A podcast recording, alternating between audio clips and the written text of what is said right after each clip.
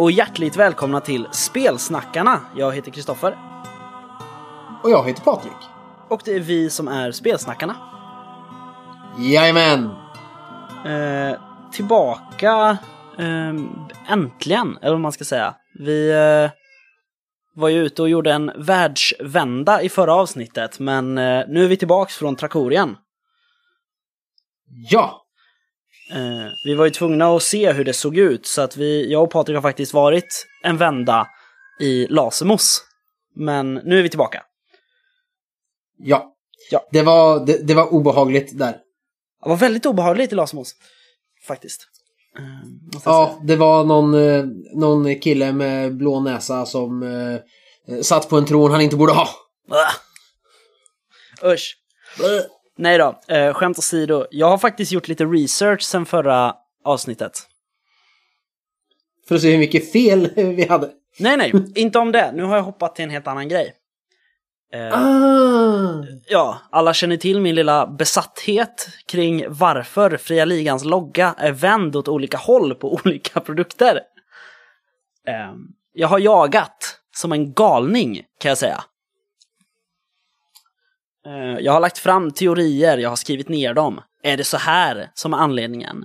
Är det för att någon annan än Thomas Härenstam har konstruerat reglerna? Är det för att det inte är ett introduktionsäventyr med i den här boken? Och så vidare. Är det för att de har bytt tryckeri?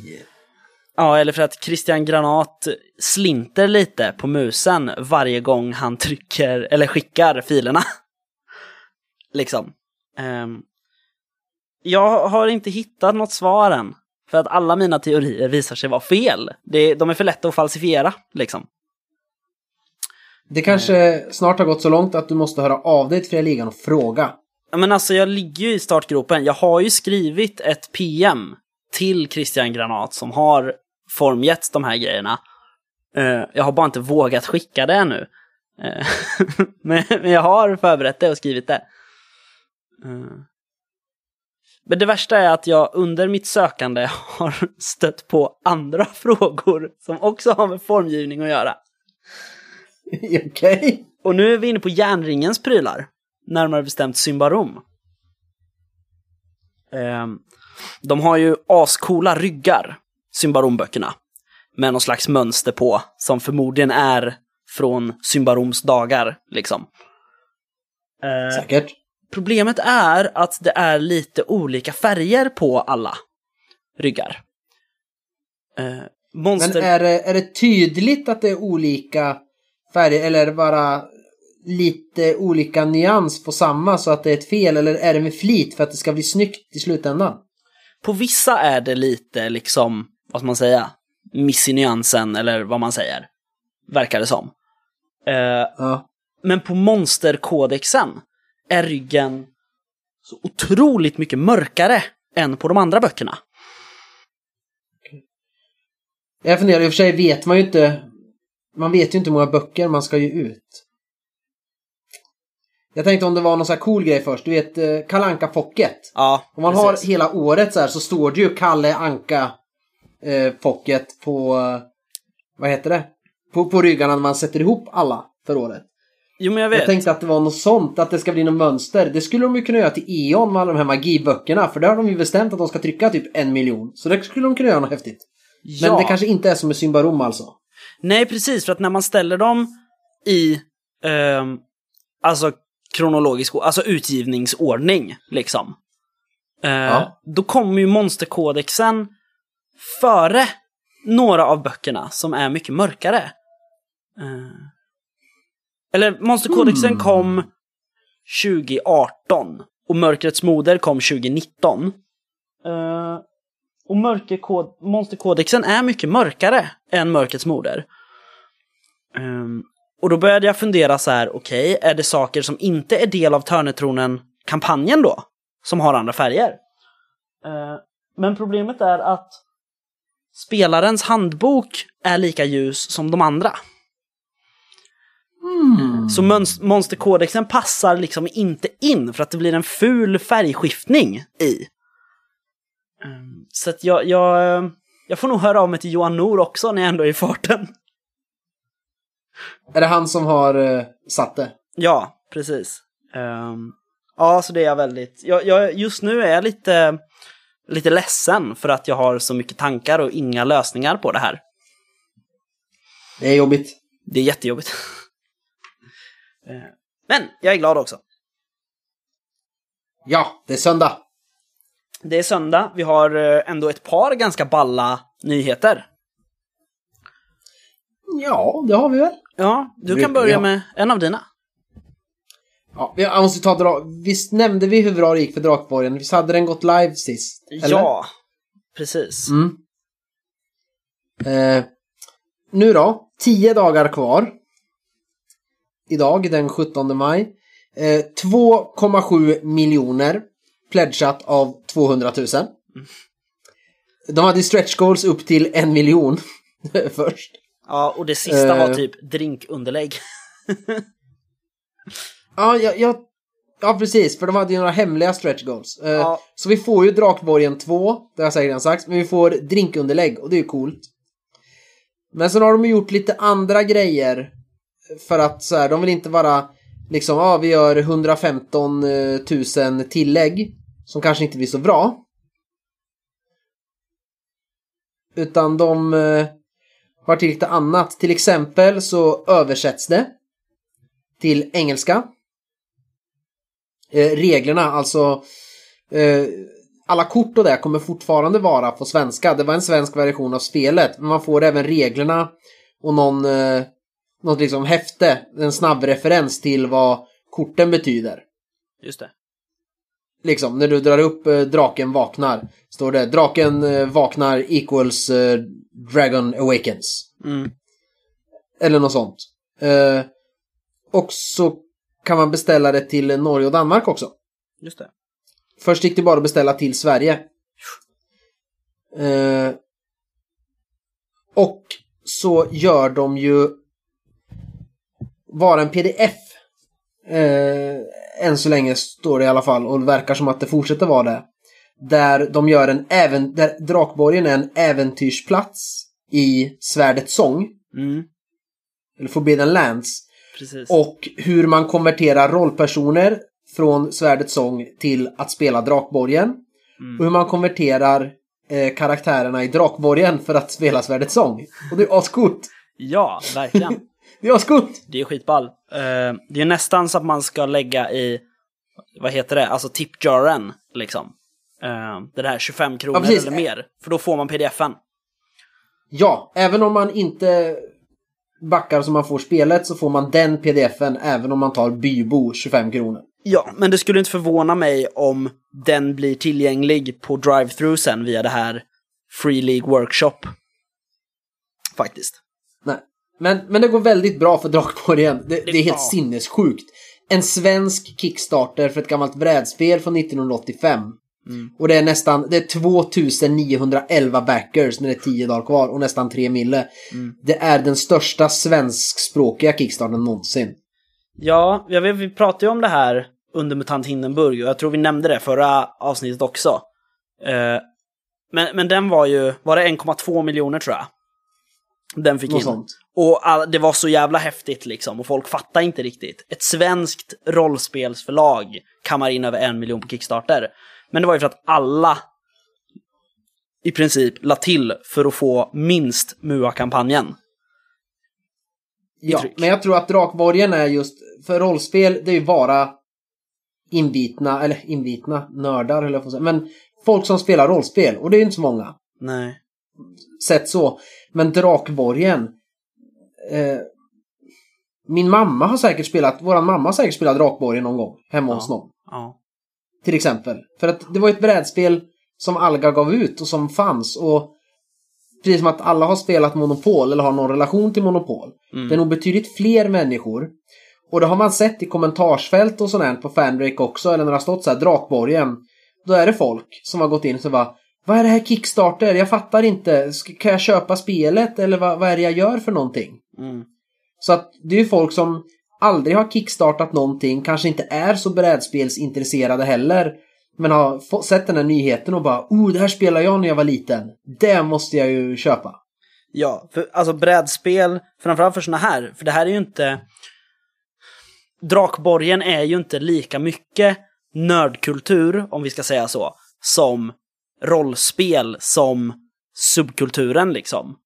Eh, för alla har spelat någon typ av brädspel någon gång. Ja, och det, det är därför jag tror att Drakborgen har gått så jävla bra. För att det är, vad ska man säga, vanliga människor utanför Mm. communityt som, som liksom backar det. Ja. Ja, det är sant. Som aldrig har ba- backat något på Kickstarter förut. Men jag trodde ju att det bara skulle vara också så ja men okej, man får betala ganska mycket. Det kommer bara vara hardcore-människor som älskar Drakborgen, har spelat sönder 4X och köper det för att de inte kan få tag i Hero Quest. Mm. Liksom. ja men typ, men så Ja. var det ju inte. Jag är motbevisad och det är skitroligt. Ja, verkligen. Det är skitcoolt. Jag tycker det är helt fantastiskt. Ur, ur, både ur spelarsynpunkt och ur liksom näringslivssynpunkt.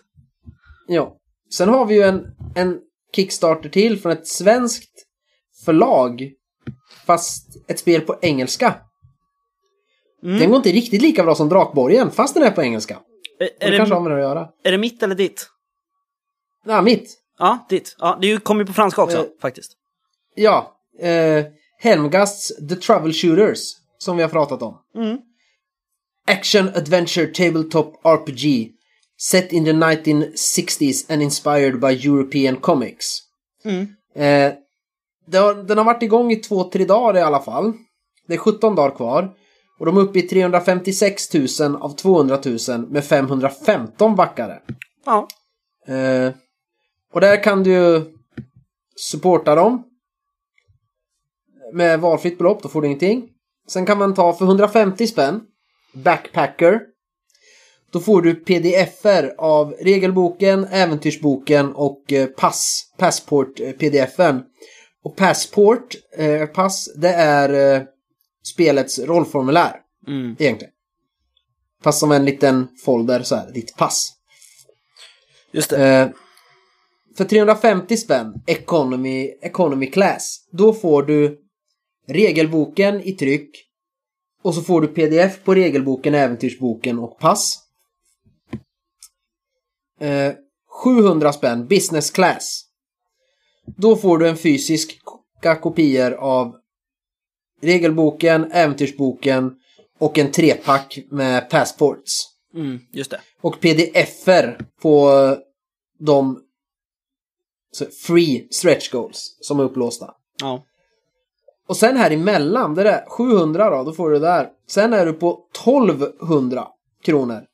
Då får man en deluxe-bok, regelboken, en deluxe-äventyrsbok, tre pass och pdf för på alla upplåsta stretch goals. Och för 7000 spänn då får man eh, en exclusive core book with leather cover och en deluxe äventyrsbok. Du får även den vanliga deluxe-utgåvan och den helt vanliga utgåvan av regelboken. Och den vanliga äventyrsboken pdf-er på upplåsta stretch goals, en octopus t-shirt, one item of any unlocked print stretch goals. Nice. Och en trepack eh, med passports. Just det. Extra Eh. pass kostar 150 spänn tror jag. Tre stycken. Och det finns bara 15 stycken på den här högsta nivån för 7000 spänn och det är eh, åtta stycken kvar. Mm. Så jag tycker det är lite för stora steg. Kan jag tycka. Det borde finnas lite mellanlägen. Här. Ja. eh, Men det är vad jag tycker. Jo men det, och grejen är, jag vet vi snackade om det här när det var med tant Hindenburg också. Eh, Ja. att, att det här att, vad ska jag ha liksom tre stycken regelböcker till? Med olika omslag. Om de är tryckta liksom samma år, det är exakt samma innehåll, så att det är ingen liksom upplageskillnad just så att göra. Utan bara, ja men jag har tre stycken som ser olika ut. Alltså, jag- inga liksom kritik till folk som tycker att sånt är roligt, men jag förstår det inte. Liksom. Vad ska jag göra med alla böcker? Har du backat? Nej. Nej. Jag backade i Drakborgen. Just det. Rimligt, faktiskt. Tycker Ja. Och vi har låst, det är upplåst tre stretch goals i alla fall. En kalender för 1965. Ett äventyr, The Smiling Lady. Och en spirredaskärm. Det är ju bra. Det gillar vi ju, Ja, spelledarskärmen. men, men om jag läste det då så måste man ju backa för 7000 för att få spelledarskärmen. Mm. Eh, fysiskt. Eh, annars får man ta den som en add-on. Just det. Eh, så nej, jag, jag, jag tycker att det är lite... Jag gillar inte själva Kickstarter-kampanjen riktigt, men jag är sugen på spelet. Och jag, ja, jag måste. Jag har inte hunnit gjort någonting jag skulle gjort den här veckan, för det är mycket med hus och hästar och barn. Men jag måste skriva klart det här. Eller säga till Christer att jag kommer inte kunna göra någonting. Mm. Det är ju synd, eftersom liksom skriva produkter brukar ju innebära få som pdf. Vad jag har med, av min erfarenhet i alla fall. Ja. Minst. Har du några nyheter?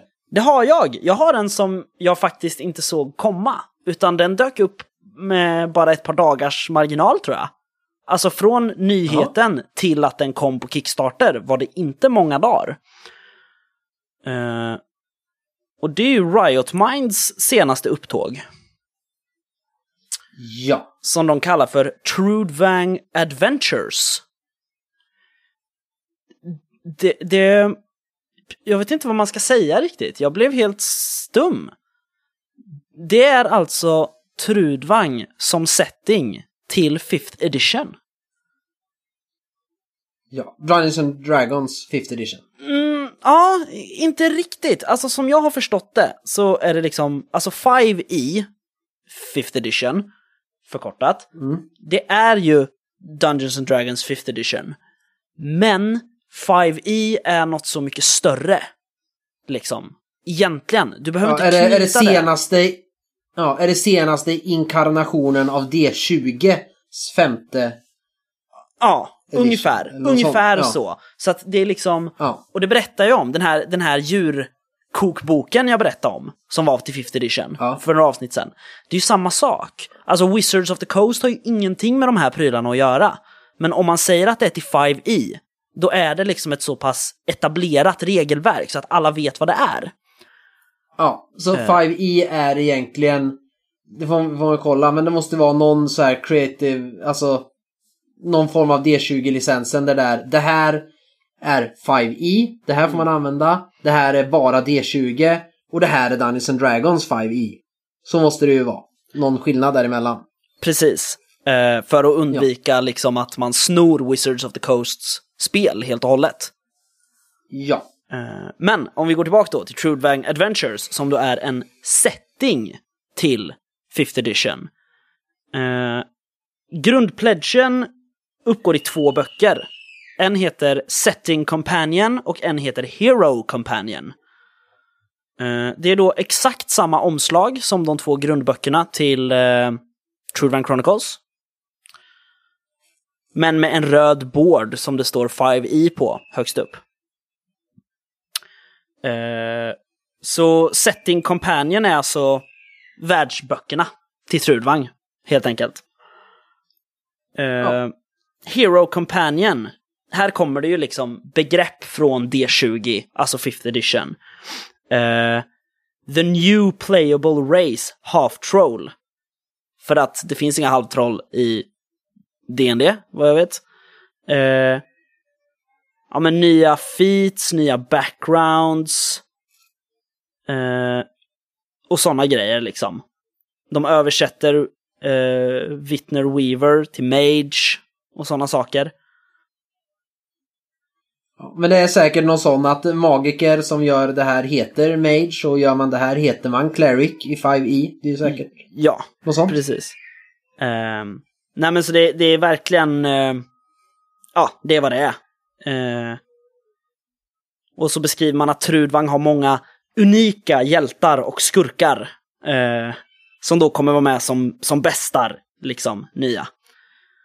Eh, deras planer är då eh, kampanjer som Snow Saga, Isle of the Wailing Winds, Warriors Companion, Monster Companion. Ehm, det finns också en Quick Try redan nu som heter Worm Tongue. Och det är ju då Ormtunga, det är ett äventyr som publicerades i Fenix för många år sedan. Om jag inte missminner mig. Eh, Jag, jag, har läst det på online-tjänsten och spelat det en gång tror jag. Ja, jag, jag spelade halva med dig och Mattias. Eh, Ja, och jag tror jag har spelat hela för länge, länge sedan mer. Kanske du har. Men för grejen är Typ bland det första du spelade. Så kan det vara faktiskt. Men jag vet att för i den Fenixen så står det att ja, det här är bara början liksom. Vi skulle vilja göra en hel kampanj och det finns planer på det. Och här ligger liksom Wormtongue som, eh, som stretch goal i print. Ehm, Och så vill de göra vildhjärta och spelldex och sådana grejer. Så, så, ja, vi ska se. En eh, pdf-pledge, eller vi börjar, det är 23 dagar kvar på den, så det finns gott om tid. Eh, den är uppe i 290 procent, så drygt 430 av 150 000 kronor. Ehm, en pdf-pledge, man får de båda som pdf och alla stretch goals som pdf, ligger på 250 spänn. Eh, och tryck är då båda böckerna i grund och sen alla stretch goals för 500 pix. Det är inte så farligt. Det är Det inte är så farligt. Och sen är det liksom Riot Minds anda. Så här att, eh, ja, det är lite samma som där. Ja, nästa pledge kostar 7000 och då får man med ett signerat konsttryck.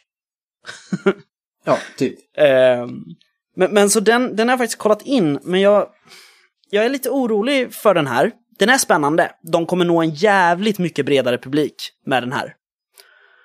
Eh, tror jag. Ja, och, och sen, sen oavsett om den publiken fortsätter spela då Trudvang Adventures eh, 5E eller om det lockar över dem till Trudvang Chronicles, det spelar egentligen ingen roll Nej, för, men för här... dem som företag. Nej, nej, verkligen inte. Men här kommer ju det jobbiga. De ska ju fortfarande stödja Truebank Chronicles. Säger de ja, tills det eventuellt visar sig att det här är den riktiga, det de kommer kunna leva på resten av sina liv för att folk vill ha mer, mer, mer och då är väl chansen ganska stor att man överger Chronicles för att bara jobba med det här. Ja, men jag tänker lite liksom, om vi bara sätter oss in i den rådande situationen. Folk sitter och väntar på en sourcebook till Chronicles. Muspelheim, den är inte Ja. levererad än. Eh, de har Nej, ut... Ruin Masters är inte levererat än heller vad jag vet. Nej, nej, men, nej, men det är ju ett annat spel. Det är ju inte Trudvang. Det är Ja, inte det jag jo. menar. Jag menar att här då, Muspelheim måste ju komma som en settingbok till Trudvang Adventures också, förstås. Det måste ju vara deras plan, att göra allting, för att de har ju pratat om att eh, Eldsjäl, Isle of Wailing Winds, ligger hos översättaren nu, som översätter allt till Trudvang Chronicles. Men sen ska Ja. det komma som en del i Trudvang Adventures. Så de ska alltså, för att citera Vi spelar rollspel, de ska göra en så kallad dubbelsak. här. Ja, Ehm, det jag är de lite- experter på. Bara att dubbelsak innebär ingen sak på jättelänge när man pratar Riot Minds. Nej, men precis. Och här då liksom, precis, folk har precis köpt på sig liksom Stormlands och Snow Saga och, och liksom astaggade på Muspelheim. Och sen bara, ja, ah, vi ska göra Trudvang, men vi ska göra helt nya regler. Igen! Ja, Det är bara så jävla dåligt. Jag blir lite sur. men det, må- det Jag tror det är på grund av Trudvang Chronicles. Jag tror många har köpt det. Mm. Och många, även när man kollar utomlands, alltså jänkare framför allt, är ju helt, tycker att det är skithäftig setting och allting. Mm. Men jag läst mycket att de gillar inte reglerna och skrivit ah, jag ska ta den och köra med 5th edition istället. Mm. För reglerna är ju kass.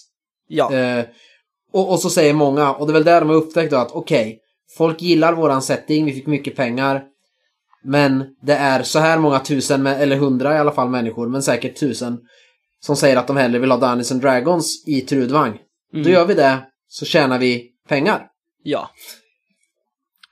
Jo, så är det ju förstås. Alltså jag säger inte att de är dumma som i, som i tröga. Liksom. Det är inte det jag menar. Det här är en skitsmart Nej. pryl för dem. Uh, Oh ja, absolut. otroligt. Jag hade gjort likadant. Alltså pengar, man har väl ett företag för att man vill ha pengar. Ja, absolut. Sen sålde ju Theo sin del av Paradox, så pengar är väl hans minsta problem. Men i alla fall, nu ska vi inte prata om, Ja. om sånt här. Eh.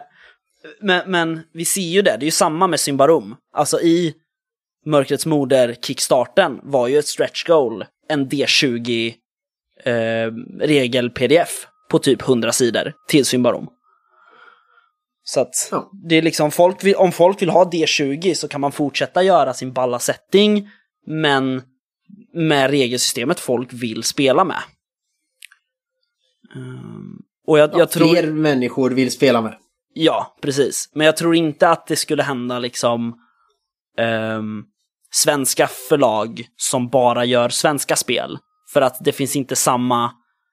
Det är inte en lika stor massa som skriker efter D20-regler här.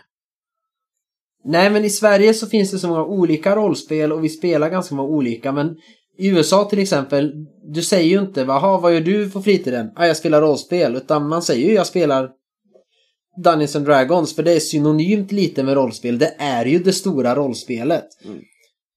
Och så finns det lite konstiga människor som spelar Apocalypse World och Burning Wheel och... Shadowrun. Ja men alltså, ja, ja men det är ju lite så. Jo. Upplever jag. Ja. Nej, men vi, vi får se. Det, det går ganska bra för Kickstarten, liksom, för Adventures. Så att det är ju inte, som sagt, det är inte så att ingen vill ha det. Det är bara att jag blir så här, hur ska de stötta, liksom, 2016, True Chronicles, Ruin Masters och det här samtidigt?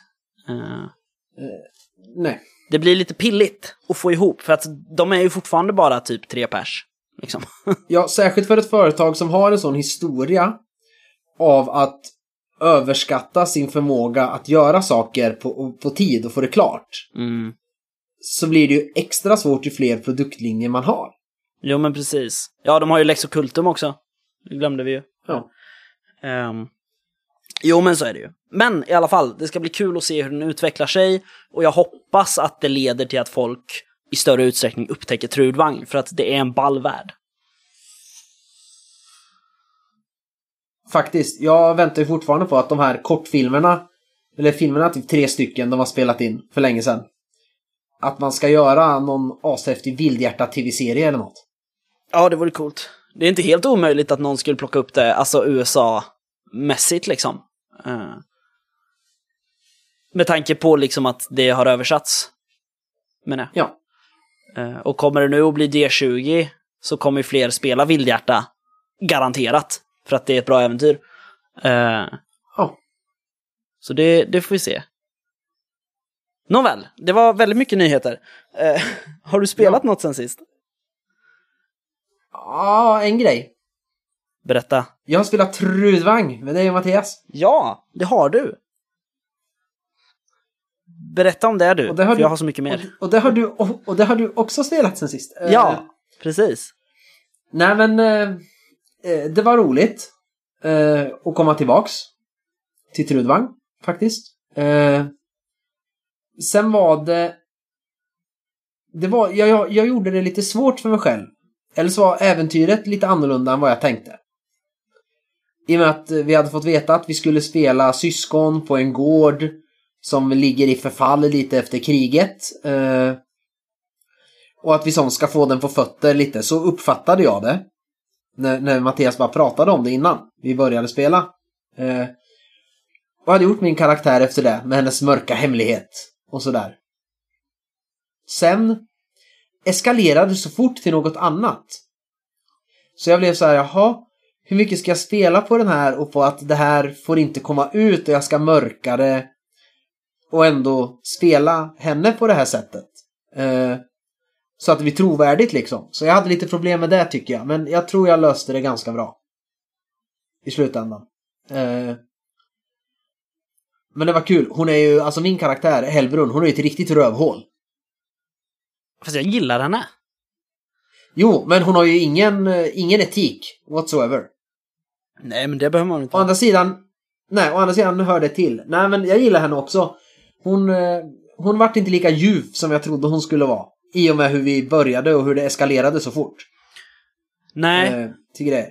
alltså jag tror att det kan vara en idé Mattias hade, faktiskt. Att det är så här, nej men det är det här vi ska spela, ni är liksom syskonen, yngsta syskonen på en gård. Eh, gör sådana karaktärer, för att då är vi lika oförberedda som syskonen är oförberedda. när vår bror blir mördad och vi måste ta reda på vad som har hänt. Ja men precis, och kräva mansbot och, och grejer. Ja. Nej men precis. Det, det vart jävligt bra. Eh, jag tror att det var en slags eh, simulering i spelet, liksom. Att vi ska göra karaktärer som inte är redo för att det här ska hända. Vilket är ball. Nej men precis. Nej men det lyckades han ju med. Så blev Ja. det ju. Ja, verkligen. Ja. Nej men, eh, men kul, det var riktigt kul. Det var ett tag sedan vi spelade i Trudvang så att jag tycker det är roligt. Mm. Faktiskt. Sen har jag inte spelat någonting mer. Faktiskt. Jag har byggt lego istället. Ja, men vad synd att du inte har mina spelat mer. döttrar. Ja, men jag har gjort andra saker. Ja, ja, det är också kul. Men att spela? Fi- Fixat i min, fixat i min trädgård. Ja, kul. Till exempel. Eh, har du spelat något mer sen sist? Det har jag. Jag har oj, sagt... oj, oj. Oj, oj, oj. Nej, nej, inte så mycket. Eh, nej, men jag har som sagt spelat Trudvang och det... Alltså det måste ju vara tre, fyra år sedan vi spelade i Trudvang sist. Ehm, så det var, det var väldigt, väldigt kul. Eh, sen har jag spelet Genlab Alpha. Eh, sista faktiskt. Vi blev färdiga med Flykten från paradiset. Kul. Ja, verkligen skitkul. Vi har ju spelat i ehm, ett år Eller tråkigt, det beror ju på hur man ser. Kul, ja, alltså kul och tråkigt. Det, på ett sätt, det är en väldigt tomhet när man har spelat färdigt. För jag tror vi har spelat i lite mer än ett år. Ehm, så det blir en väldigt tomhet när kampanjen är slut. Ehm, förstås. Och, men samtidigt är det ju så otroligt roligt att vi har tagit oss igenom det här tillsammans. Ehm, Det har hänt mycket, de, alltså spel, rollpersonerna är ju i princip gudar bland de andra nu. För att de tog upproret till sådana höjder som ingen kan ana liksom. Eh, vilket var fantastiskt. Så det var jättekul. Men jag ser också fram emot att återvända till Mälaröarna med den här gruppen. För nu jävlar blir det varselklotet igen. Jaha, ni kör inte flodskörden? Nej, vi, bestä- alltså, vi vill köra flodskörden, men eftersom vi har lite olösta grejer, Trådar, lite, alltså. ja, lite lösa trådar från förra kampanjen, så, så skulle en övergång till flodskörden bli alldeles för hastig. Så vi har bestämt att vi ska spela igenom övergången. Och alltså händelserna som är mellan varselklotet och flodskörden ska vi spela ut i kampanj. Ja, men det, det var lite där jag, vi pratade om när vi pratade om flodskörden, att man skulle vilja här måste man ju skriva i ordning själv vad, när det här händer och det vore kul att spela igenom. Precis, så det är att det vi kommer göra. Deras beslut får forma hur flodskörden ter sig lite. Mm. Och så det är väl det vi lär göra nu. Men så Ja. det var roligt. Ja, kul. Eh, det, det kommer en spelarkrönika faktiskt från Genob Alpha, tror jag. Ehm, ja. Jag har också gjort karaktärer till Varselklotet, till en ny grupp som jag ska spelleda. Uh, vilket är väldigt kul. Det är ingen av dem har spelat förut. Rollspel. Men då är det ett bra spel. Alltså. Eh, överhuvudtaget. Ja, men precis. Så vi har gjort karaktärer, känns som en bra sammansvetsad grupp liksom. Ehm, det, jag tror det kommer bli väldigt roligt. Vi kommer nog köra kampanjen Vetenskapens vidunder som är i grundboken till Varselklotet. För att det är en väldigt bra kampanj. Det är det. Och jag vill se vad som kan gå annorlunda den här gången. Uh, sen här jag typ, ja, jag har spelat en runda Munchkin tillsammans med David. Uh, vi börjar se slutet av tunneln på vårt examensarbete nu. Och då unnar vi oss att spela lite spel på eftermiddagarna. Så vi har spelat lite Munchkin och häromdagen så spelade vi ett scenario i Chronicles of Crime, Welcome to Red View. Mm. Eller vi spelade halva, för sen var jag tvungen att dra. Men vi har spelat halva The Witch. Nu. Kul. Ja, verkligen. Ehm. Sen har jag säkert spelat något mer, men det har jag glömt bort. Ja. Har du skrivit något sen sist? Det har jag! Jag har skrivit mer på mitt eh, Bröderna Lejonhjärta-rollspel, Lägereldarnas och Sagornas tid. Till eh, i alla fall två lyssnares stora glädje. För att vi har ju faktiskt haft lyssnare som har hört av oss och sagt att det måste bli någonting av det här för att det låter balt. Eh, så att ja, jag håller på och skriver på det för fullt. Och eh, i nästa vecka så kommer jag att vara färdig med mitt examensarbete helt och hållet, vilket betyder att jag kommer kunna skriva på det här. Jag kommer ha tid. Ja.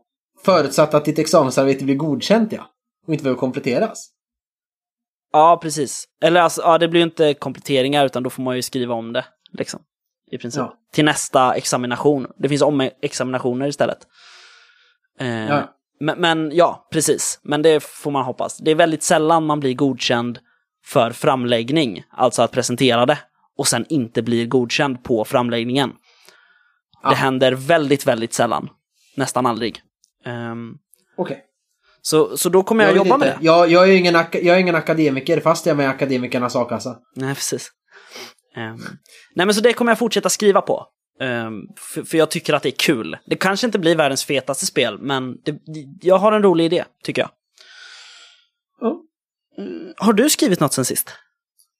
Jag har också skrivit på Lägereldarnas och Sagornas tid. Mm. Har jag. Eller, så jag visste ju att du höll på med det.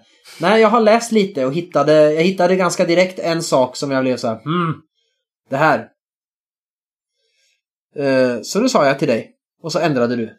Ja. Eh, och sen eh, har jag blivit fått eh, ett appendix, eller del av appendixet. Var ju min idé här om eh, det som du så fint döpte till lägereldsspel. Precis. Jag tänkte att det är bäst att du får skriva det själv eftersom du också hade en bra idé. Ja, eh, sen är det hur jag ska skriva det. Men, eh, men jag har börjat, jag har skissat lite på några post-it här och så började jag skriva början i ditt dokument, men jag ska skriva om det. Och det är egentligen ett sätt att, att tillsammans skapa berättelsen och så finns det lite olika sätt. Jag tänker mig antingen det, det blir som ett metaspel, lite som Arke-spelet i Mutanto 0. Mm. Men antingen kan man ha, om man vill att, eh, om SL vill och tycker det är kul att improvisera på stående fot, då kan man spela lägereldsspelet precis innan spelmötet och då skapa förutsättningarna för äventyret. Eller så tar man det i slutet av spelmötet när ett äventyr är klart. Så hinner SL skriva på nästa. Och sen kommer det vara två övriga varianter, lite skillnad. Antingen om man redan har karaktärer man vill spela. Då kommer lägereldsspelet gå till på ett sätt, för då gäller det att väva in Ja, eh, ja, vill ni höra en saga? Vad vill ni höra om? Jag vill höra om när eh, Pelle Svensson eh, begav sig till eh, Nangilima för att fånga en åttahövdad häst. Mm. Säger han som har karaktären Pelle Nilsson. Medan har man inga karaktärer så blir det lite annorlunda. Eh, Då kommer det vara andra, lite andra tabeller och sådär för att först skapa ramverket och bara, ja men vilka är med här egentligen? Och så pratar man om dem och sen skapar man sina karaktärer. Utefter den sagan. Eh, Så det, jag har lite idéer, det kan bli kul. Det, det blir ju ganska Astrid Lindgren-it, eller vad man ska säga. Eh, det påminner ju lite om liksom berättelsen om hur Pippi Långstrump kom. Assar Bubbla. Nej, jag menar att eh, Karin bad mamma Astrid berätta en saga och Astrid frågade vad ska jag berätta om? Då sa Karin, Ja, berätta om Pippi berätta om Långstrump. Pippi.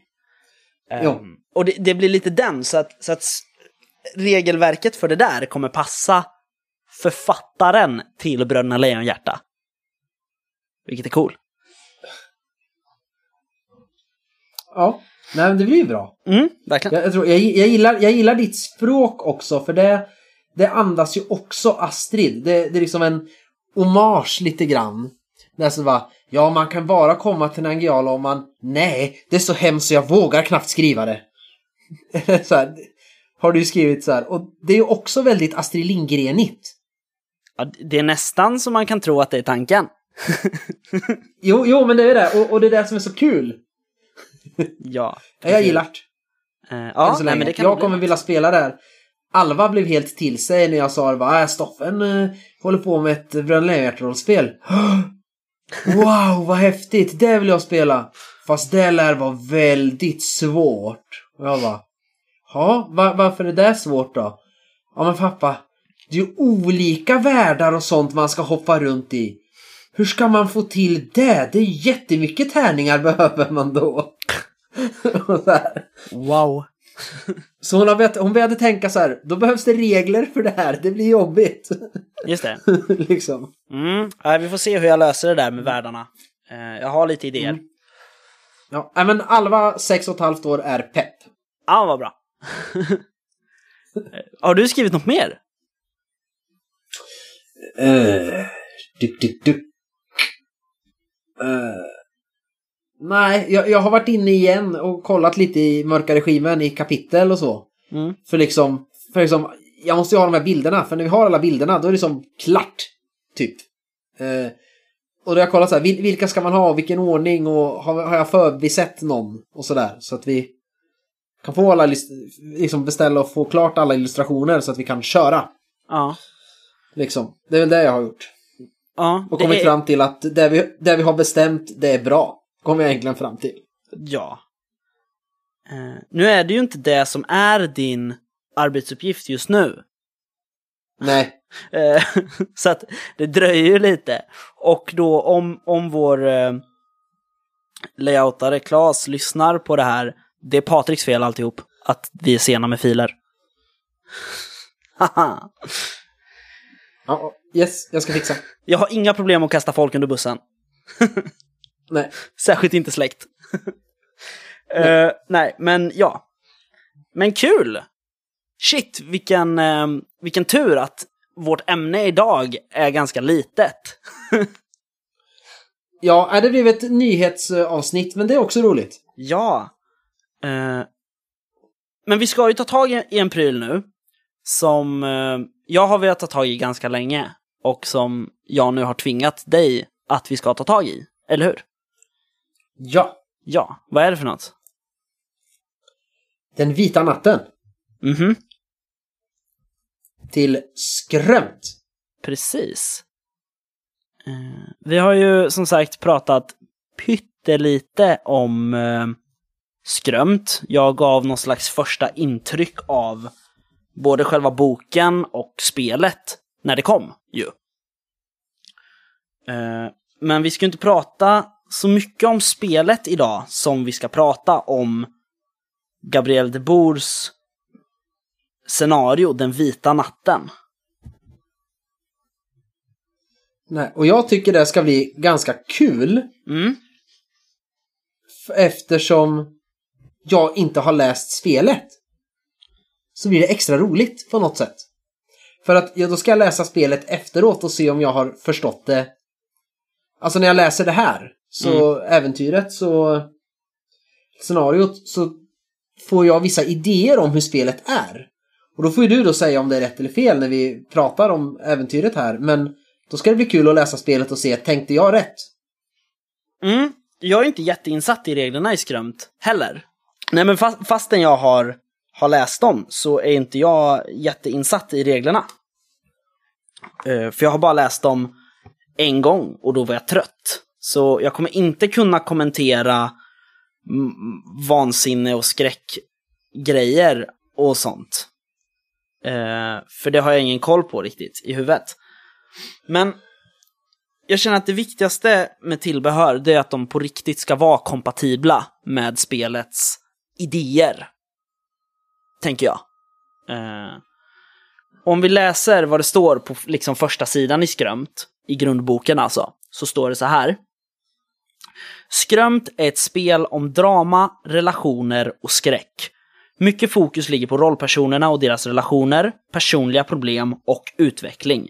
Det är alltså inte i första hand ett spel om äventyr, utan om drama. Det är liksom på något sätt spelets kärna, liksom. Yes.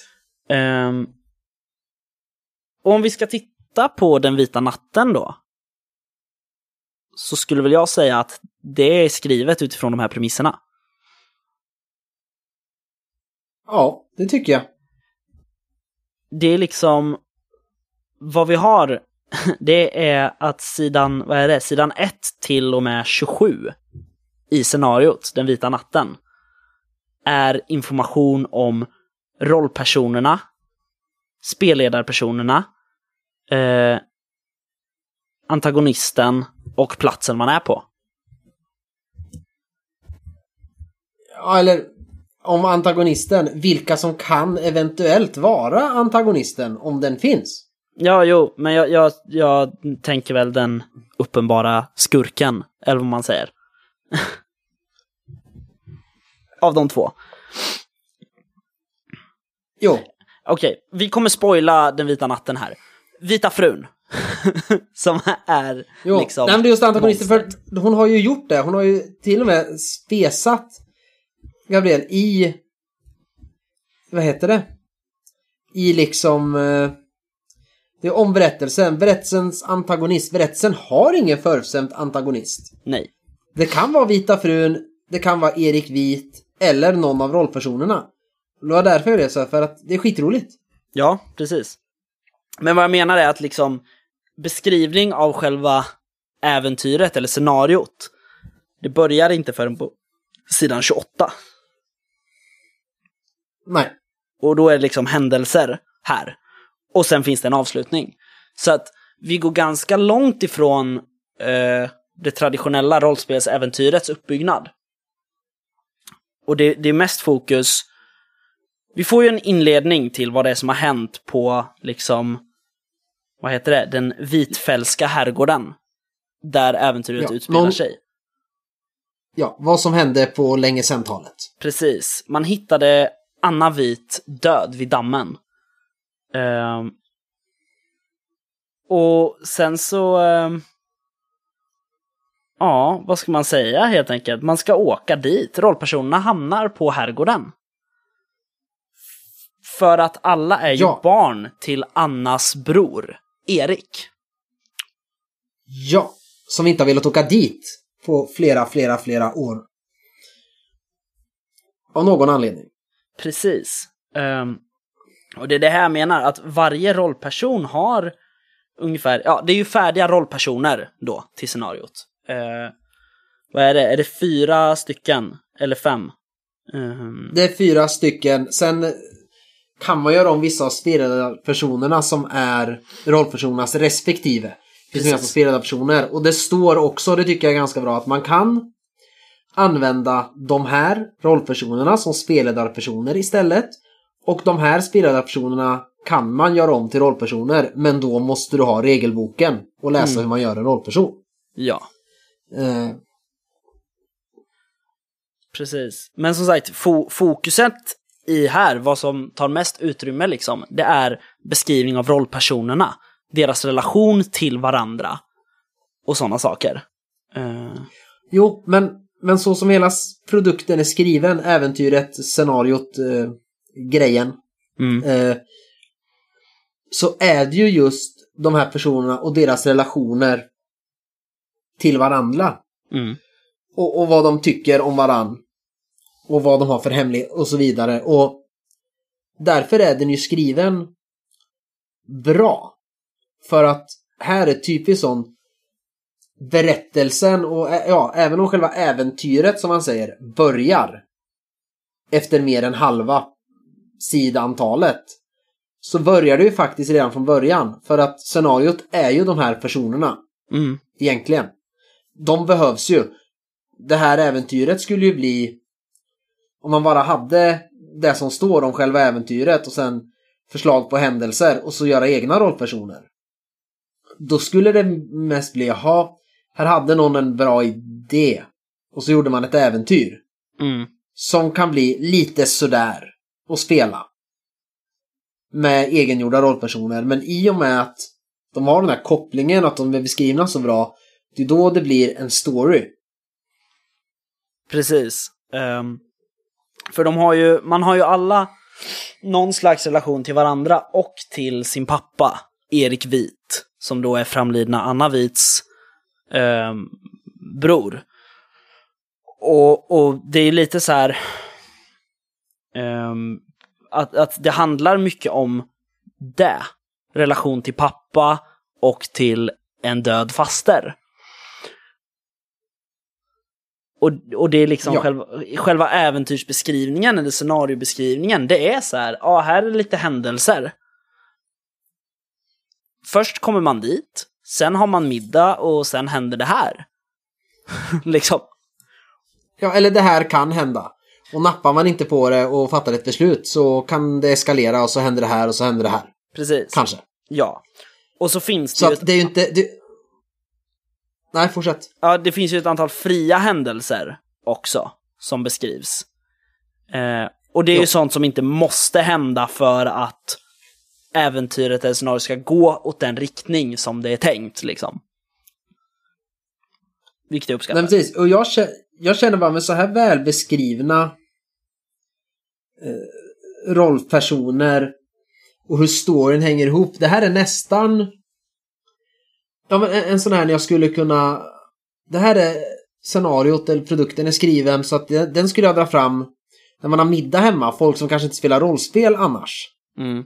För att det finns så mycket att ta på. Det här är verkligen din rollperson. Du får veta hur den är och hur du ska spela den direkt och det är koncentrerat till en plats och det bara händer saker.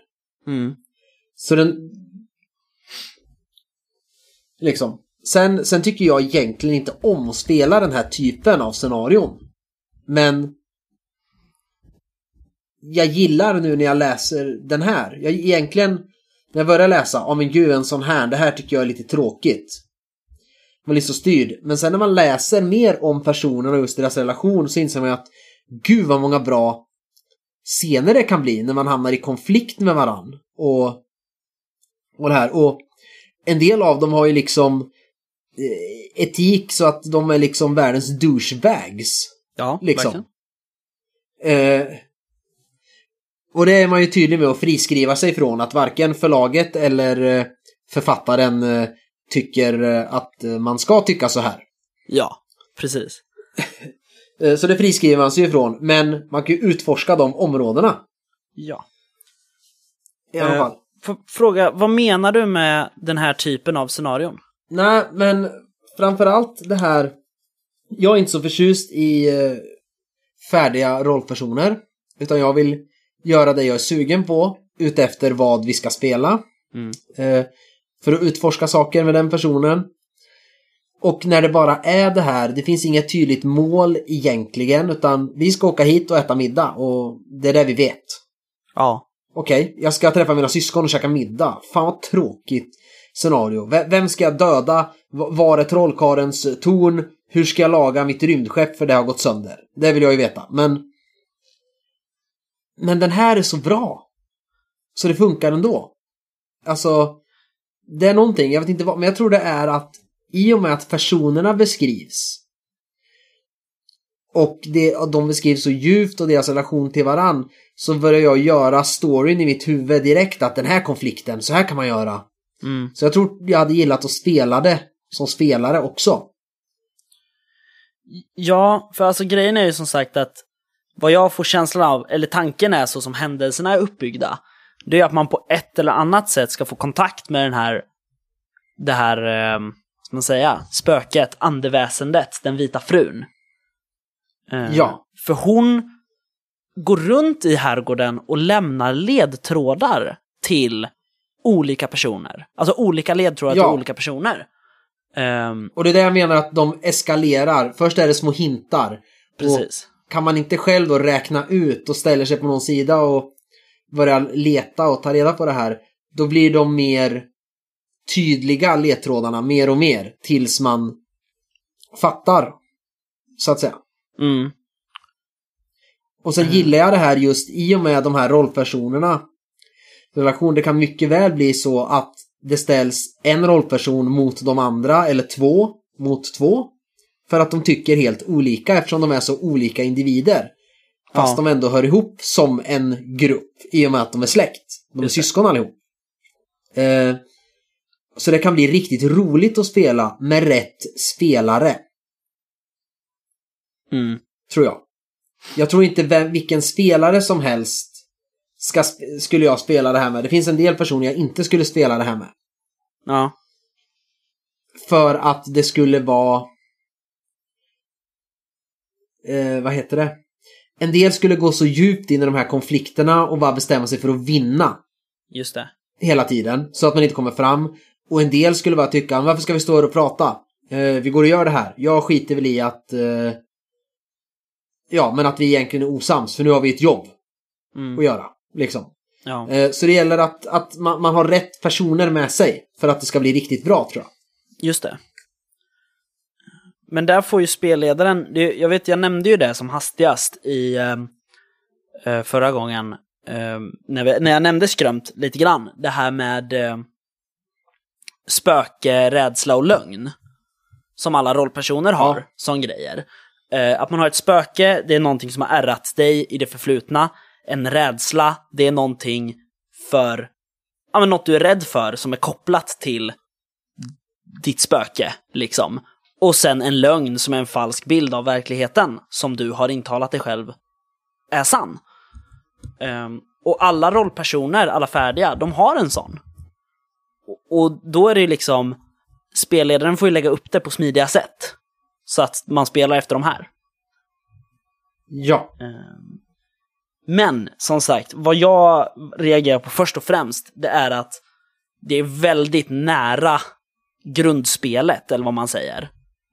Alltså, det, det handlar mer om dramat och familjerelationen än att liksom, wow, vi ska ut i en herrgård och så ska vi ta reda på vad det är för hemskt monster som har hänt där, och så ska, eller som härjar där, och så ska vi undersöka det, och så ska vi bränna ner hela jävla huset. Alltså, mycket mindre Ghostbusters och, och mycket mera typ, ja, någonting annat som är mer relationigt. Mycket mera skrömt. Ja. Mm. Så jag skulle jättegärna spela det faktiskt. Ja. Jag, jag blev sugen också. Mm. Eh, och det här känns, i och med att det är de här relationerna som står i fokus och som jag ser det, de konflikter som kan uppstå. Mm. Och det är det man egentligen ska spela. Sen, för att det ska bli något, så finns den här bakgrunden med det här spöket och att man på något sätt ska lösa det här. Men det är ju inte det viktiga. Det är inte det scenariot ska handla om när man spelar. Eh, Den känslan får jag. Mm. Eh, utan det är mer för att ha någonting i bakgrunden där. Och därför känner jag att det här, även om alla spelarna skulle ha läst hela det här, alltså nu har jag läst den och du har läst den. Jag skulle lätt Ja. kunna vara spelare utan att den spoilar för att det kan bli så jävla roligt. Det är de här konflikterna emellan eh, rollpersonerna som är i centrum och det som är ja men det roliga eller vad man ska säga. Mm. Och det är ångestframkallande, kanske. så att jag vill absolut spela det här. Jag blev jättesugen. Mm. Man får eh, sätta ihop en grupp lite snabbt. Eh, det här är ju Ja. ett enkvällsscenario, skulle jag påstå, med tanke på dess omfattning. Eh, så det är nog inga Ja. problem. Men jag, jag, jag tycker det Vi- är vi- ball... Ja, förlåt. Nej, ska vi får spela det i sommar. Ja, absolut.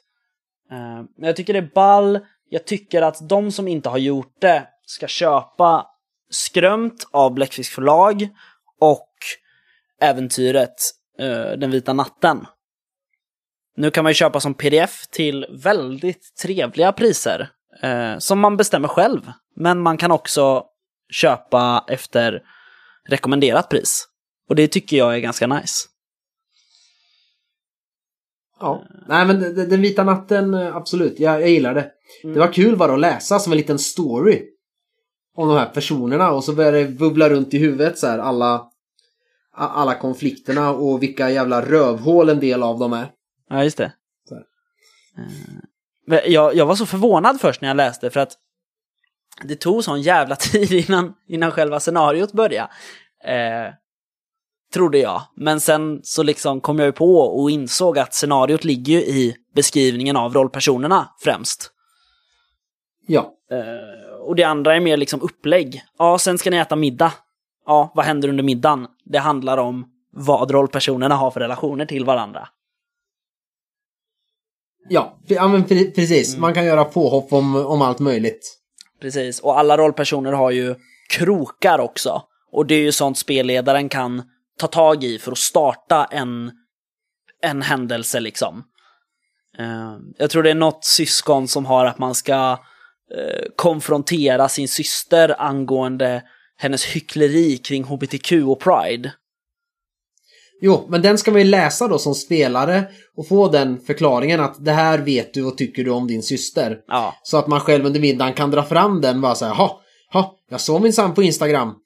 Att Ja. du var, var, på, var på Pride igen. Men, eh, men, men igår, då, eh, ja, då umgicks du ju med eh, en eh, polis som är känd som bögknackan. Hur, eh, hur, vad tycker du om det egentligen, va? Hycklare. Ja, Till exempel. precis. Så det, det, det, det tog lite tid att, att läsa det där scenariot för, alltså på det sätt det ska läsas. Men Ja, men jag fattade, för du ja. hade ju hintat lite om det, så jag fattade ganska direkt hur jag skulle förhålla mig till det. Mm, nej men precis, det, det matchar ju spelet, som sagt, det här med relationerna. Ehm, så jag, jag tror att, att eh, Gabriella har jobbat ganska nära med Kristoffer Warnberg som har skrivit Skrömt när det skrevs. Tror jag. Eller bara har läst eh, grundreglerna ganska ingående. Men, men det är ball. Det är ball! Köp det! Alltså, vi, vi kommer ju länka till det här förstås. Både till scenariot och till grundboken. Eh, Eller vi lägger till hela Bläckfisks webbshop så kan ni köpa allting egentligen. För det är bra skit. Ja. Det, jag känner alltid när vi ska prata om, om spel och äventyr och böcker och så. Så känns det som att vi är så oorganiserade. Ja, det, det är mycket lättare när vi hade såna här roliga ämnen. Typ, hur är man en kass spelledare? Vilken tärning är bäst? Eh, ja, men vad, vad är en intrig? Hur bygger man en värld? Sånt mer abstrakt Mm. på något sätt. Om man verkligen kan tänka. Nu är det bara, ja, det här står i den här. Jag tycker den är bra. Ja, alltså lite så blir det ju, men på ett annat sätt, jag, jag håller med dig att det är just när vi ska prata om en särskild produkt som så, liksom. Eh, och det är för att jag, jag vet inte riktigt vad jag ska säga. Att jag säger att den är bra, det ger ju inte någon annan särskilt mycket. Men, men eftersom du ändå har läst grundreglerna Mm. och säger, som du sa, att det märks att hon har läst dem eller jobbat nära konstruktören för scenariot är skrivet så som spelet hävdar att det ska spelas eller spelet handlar om det här. Mm. Och du har redan pratat om, då är det ju en bra produkt. För ett spel som är precis där det utger sig för att vara Mm. är ju ett bra spel. Sen Ja, om det vi man bestämt. själv tycker om det, det, det avgör ju inte om ett spel är bra. Utan är det där det säger så är det det. Som Mörkborg. Jag är inte jätte förtjust i det. Jag kommer kanske spela någon gång men jag tycker inte att det är det, det spel jag allra helst vill spela. Men det är fan ett av de bästa spelen som har släppts. För det är precis vad det utger sig för att vara. En Doom metal-skiva i rollspelsformat. Ja. Alltså är det ett jävligt bra spel för det är precis det det är. Mm. Och då är det ett jävligt bra spel. Sen om jag inte tycker om det och vill spela det. Det är en annan sak. Och därför om vita nät, den vita natten då är det som Skrömt säger att det är och ska fokusera på. Då är ju den vita natten ett jävligt bra scenario till Skrömt. Det är sant. Det är väldigt sant. Oaktat om vi är sugna på att spela eller inte. Men nu är vi ju det. Men Ja. det är en bra produkt till Skrömt helt enkelt. Jo men absolut, men du, du förstår ändå vad jag menar, att det är väldigt svårt att plocka upp en specifik produkt och prata om den. Men, men jag tycker ändå att vi... På ett sätt så säger vi vad vi tycker om med det och på ett sätt säger vi liksom vad vi tror att andra ska gilla och det, det är väl bra antar jag. Eh, Även om vi kanske inte skulle bli de bästa recensenterna, du och jag. Framförallt så är vi så positiva, eller jag framförallt, för att men jag lyckas ju hitta saker jag tycker om med allt. Även om det är något, det här tycker jag inte så mycket om. Mm. Så hittar jag alltid tusen saker jag tycker om. Ja. För att det finns så mycket saker att plocka. Jag lyckas hitta något bra i allt. Mm. Eh, men, men det är väl om man ska säga något om det, om, om den vita natten. Så i inledningen så kunde det mer kanske specificerats. Sen kanske det är jag bara som tror det att det handlar först och främst relationen mellan de här människorna och deras eventuella konflikter och hur de agerar mot, mot och med varandra. Och eh, grundplotten, eller vad man säger, i scenariot är, är underordnad. Eller, eller vad man säger, för det man ska utforska är det här med varann. Ja. Det trycks lite på det, men det kunde gjorts tydligare i början. Så att man går in med de ögonen när man läser. Just det. Just för som du sa, det tog ett tag när du läste innan du fattade. Vad är scenariot i det här? Ja. Eh, Så det kunde man ha förtydligat. Det är väl det som är en nackdel med det här scenariot då. Mm. Så nu sa jag något dåligt också. Så Ja. fast jag lyckades ändå inte säga att det var riktigt dåligt. Nej, just det. Eh, nej, nej, jag, jag, ehm, jag håller faktiskt med dig. Alltså jag, som sagt, jag hade velat ha en lite tydligare, ja men säg en metatext på liksom scenariots uppbyggnad.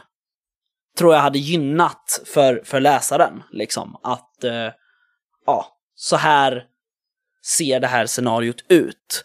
Det går ut på att göra så här. Ja. Sen, sen kanske det finns i grundboken. Ungefär så här ska ett, är officiella scenarion eh, beskrivna och man ska alltid fokusera på det här samspelet och själva plotten är underordnad det här och inte lika viktig. Det kanske står där. Men i och med att jag inte har läst det så får jag ju då ge det som lite ris till hur scenariot där är skrivet. Alltså det, det är lite så faktiskt. Nu, nu sitter jag bara och tittar på eh, rubrikerna då i innehållsförteckningen i boken. Men då står det berättelsen. Tid och plats. Obekväma ämnen. Vilka är rollpersonerna? Identifiera flaggor. Och det är väl sånt som, eh, som om jag har förstått det så är flaggorna alltså vad, vad, eh, vad som händer i princip. Eh, allt som, alltså vad spelarna är ute efter i spel. Liksom. Ja. Så många flaggor kommer ju ifrån relationer och identitet. Sen är det, Ja. vad handlar berättelsen om? Eh, antagonisten och zonkartor. Det är i princip det det står. Sen står det lite om spelledarpersoner och, och sådana grejer, men det där är själva, själva, upp, själva berättelsegrunden, liksom. Tid och plats, vilka ämnen som är jobbiga och ska vara med, rollpersonerna, vad den handlar om och vem som är elakingen. ja. Och det är ungefär så scenariot är skrivet. Mm, verkligen, och därför är formen vi inte riktigt är nöjda med väldigt bra, för att den matchar spelet. Ja, men vi hade velat, eller jag hade velat se lite annorlunda Mm. förklaring där i början. Ja men precis, en, eller en tydligare. Ja, men då kanske det är grundboken jag hade velat se den tydligare Ja. istället. Jag vet inte, men någonstans. Jo men precis, en liten how to read this. Ja. Ehm, ja, jo men verkligen. Men annars skulle jag, ja, vad ska man sätta? Sju av tio vättar, kanske? Ja, Ja, något sånt. Det blir ändå tre vättar i avdrag på grund av det här. Ja. Eh, ja, jag tror inte det finns så mycket mer att säga om Den vita natten innan man faktiskt har spelat det. Nej, bara att jag har suttit ända sedan jag började läsa och nynnat på White Knight i huvudet. Wow. En gammal schysst rocklåt. Ja men precis, bra låt. Mm. Ja. Men det är alltså bra titel på scenariot måste jag säga. Den vita natten. För Ja. att den skulle kunna betyda ungefär vad som helst. Så oavsett vad det hade varit för scenario. Alltså först trodde jag att det handlade om knark när jag bara hade hört ja. texten. Men, men, men det är ju liksom, bara, ja, knark. ja, men det känns som ett bra, en bra titel på alla scenarion. På ett sätt. Alltså fattar du vad jag menar? Att Ja. vilket scenario som helst till vilket spel som helst hade kunnat heta Den vita natten. Och vara bra. Och passa. Jo men sen greppar den, för det är ju motsägelsefullt i sig själv. Natt, då är det mörkt. Ja, Och så är det vit, en vit natt. Precis. Det är ju... Det, det fastnar i huvudet fast man tänker inte ens på varför. Men det måste ju vara att det är motsatser på något sätt till varandra. Lite. Och sen så är ju Ja. familjen heter ju Vit, fast med H. Ja. Ehm, ja, det Och den vita frun är ju ett känt spöke i slott och herrgårdar över hela världen. precis. Eh, och det är ju snyggt på omslaget att herrgården är vit och sen så är det svart runt om. Det är coolt. Ja. ja det är coolt. Ja. Yes. Sju av tio vättar, som sagt. Eh. Ja, det är svårt. Vi, vi, jag tror att vi till nästa gång måste ha en sån här bra diskussionsgrej. Eh.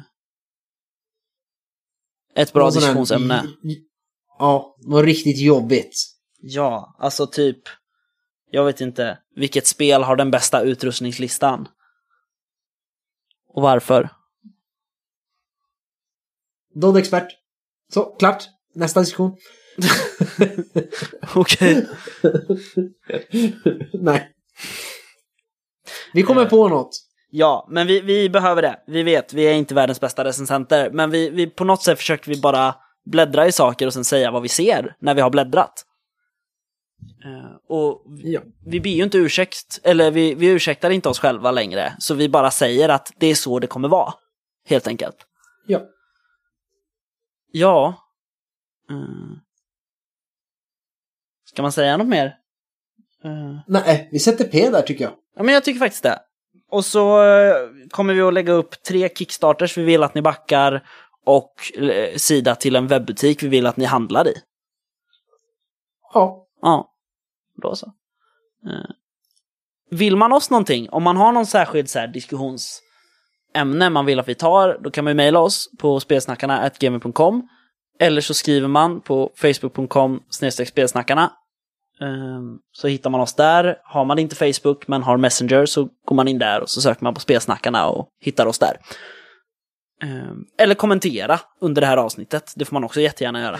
Men så kommer man i kontakt med oss. Ehm, Tack för ett bra nyhetsavsnitt Patrik. Ja, hej då Kristoffer. Hej då Patrik.